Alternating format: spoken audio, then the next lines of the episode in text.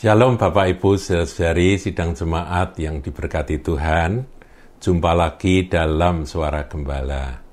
Kali ini saya akan bacakan ayat-ayat firman Tuhan yang judulnya kurang sedap, yaitu Yesus membawa pemisahan dan bagaimana mengikut Yesus. Yesus membawa pemisahan. Makanya tadi saya katakan ini judul yang kurang enak tetapi ini ada di dalam firman Tuhan dan ini adalah kebenaran.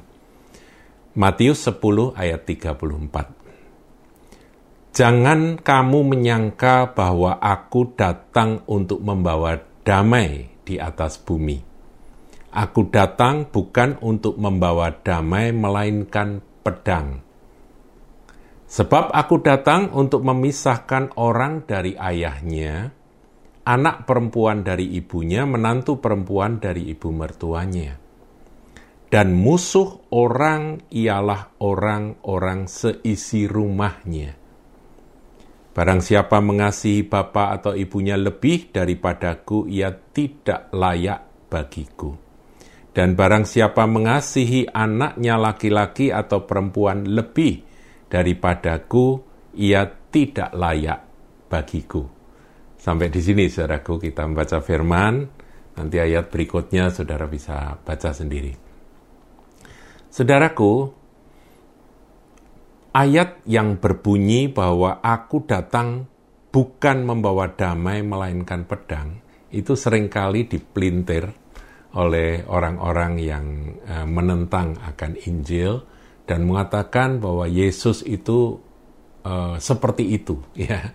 Dia datang tidak membawa damai dia datang membawa pedang begitu ya. Saudara ini sebetulnya adalah sebuah nubuatan yang Tuhan sampaikan bahwa akan ada orang-orang yang karena mengikut dia karena percaya kepada dia dan mengikut dia dia harus mengalami akan apa yang Tuhan sampaikan ini. Saya harus katakan bahwa tidak semua orang akan mengalami apa yang Tuhan sampaikan ini, tetapi hari-hari ini, kalau saudara e, melihat tayangan-tayangan YouTube di mana ada orang-orang dari agama lain yang karena mereka menemukan Yesus Kristus sebagai Tuhan dan Juru Selamat, mereka percaya dan kemudian mereka uh, meninggalkan akan iman yang lama dan kemudian mengikut Kristus dan karena itu mereka benar-benar menggenapi akan apa yang Tuhan Yesus katakan ini yaitu mereka harus terpisah dari ayah ibunya. Mereka harus dikucilkan dan dibenci oleh keluarganya. Saudara dengerin akan kesaksian-kesaksian dari mereka-mereka yang dari agama lain, dari suatu budaya dan agama lain yang sekarang karena kasih karunia Tuhan mereka bisa percaya dan akhirnya mereka menjadi murid Kristus. Nah, orang-orang seperti ini persis mengalami ini, saudara. Bagi mereka, Tuhan Yesus datang, memang Sang Raja Damai itu bagi orang yang bersangkutan itu akan membawa damai sejahtera ilahi. Tetapi dalam kenyataan hidup mereka harus melewati bahwa seakan-akan bukan damai, tetapi justru pedang. Pedang itu artinya sesuatu yang memisahkan, memotong dan memisahkan. Dan itu terjadi, saudara. Orang yang diusir oleh lingkungannya, ya kita baru-baru ini mendengar eh, kesaksian tentang seorang ibu yang karena eh, ikut Yesus karena jadi orang percaya dia eh, harus ya melawan akan seisi rumahnya. Bahkan anaknya diambil saudaraku oleh keluarga besar.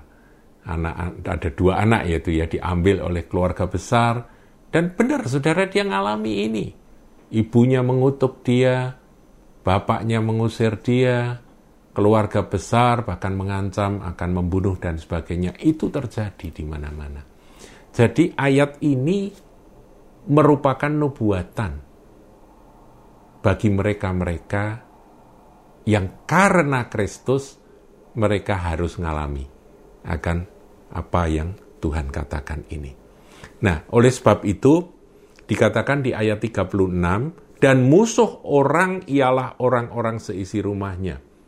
Saudara, apakah orang Kristen itu punya musuh?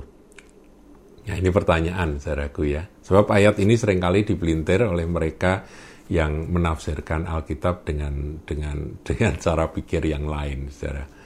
Mereka apa mengatakan bahwa kekristenan adalah agama kekerasan yang me mengajarkan orang memusuhi seisi rumahnya.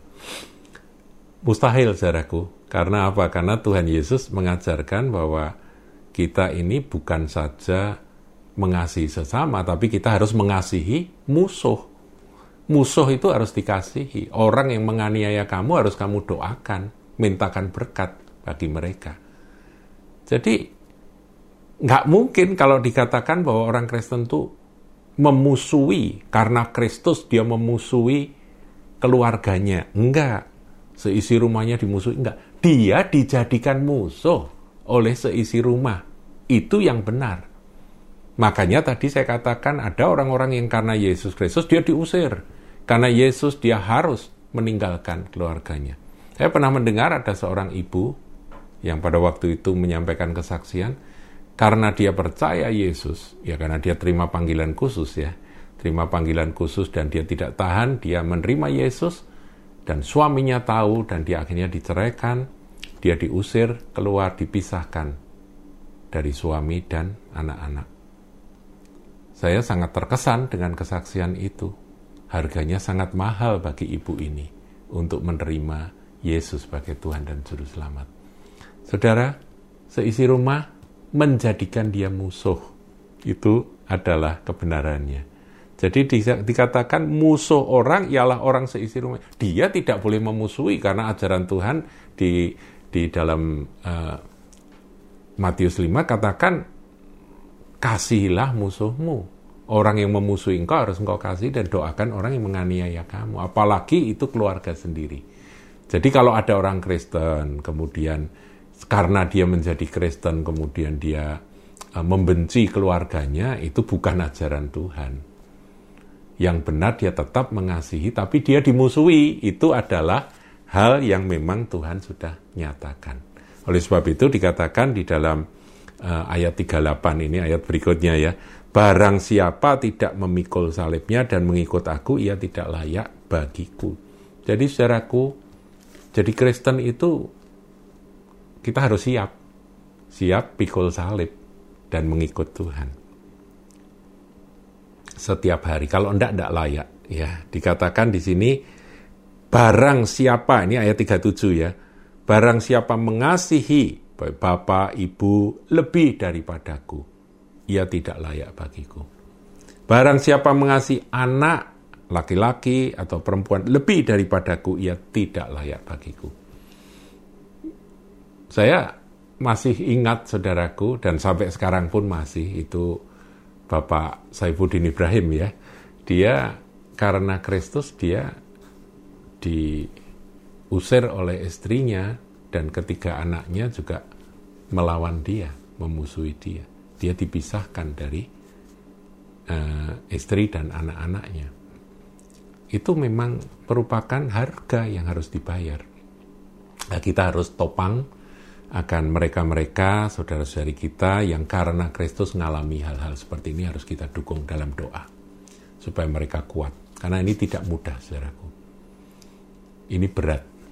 Tetapi karena itu ada tertulis, maka ini adalah bagian dari kebenaran. Saya berharap saudara paham, mungkin bagi Anda yang tidak mengalami seperti ini, Anda berpikir, apa ya benar toh? Aku damai-damai saja dengan keluargaku, semakin aku cinta Tuhan, aku semakin damai dengan mereka. Ya itu karena Anda bukan termasuk kelompok orang yang yang kepadanya Tuhan menubuatkan kebenaran ini. Ya, jadi kita menjadi pendoa buat mereka. Tapi kita harus tahu bahwa ini ada, ini merupakan kebenaran. Saya kira ini uh, renungan kita pada uh, hari ini dan menjadi berkat dan pemahaman kita lebih luas tentang pengikutan kepada Kristus. Tuhan Yesus berkati.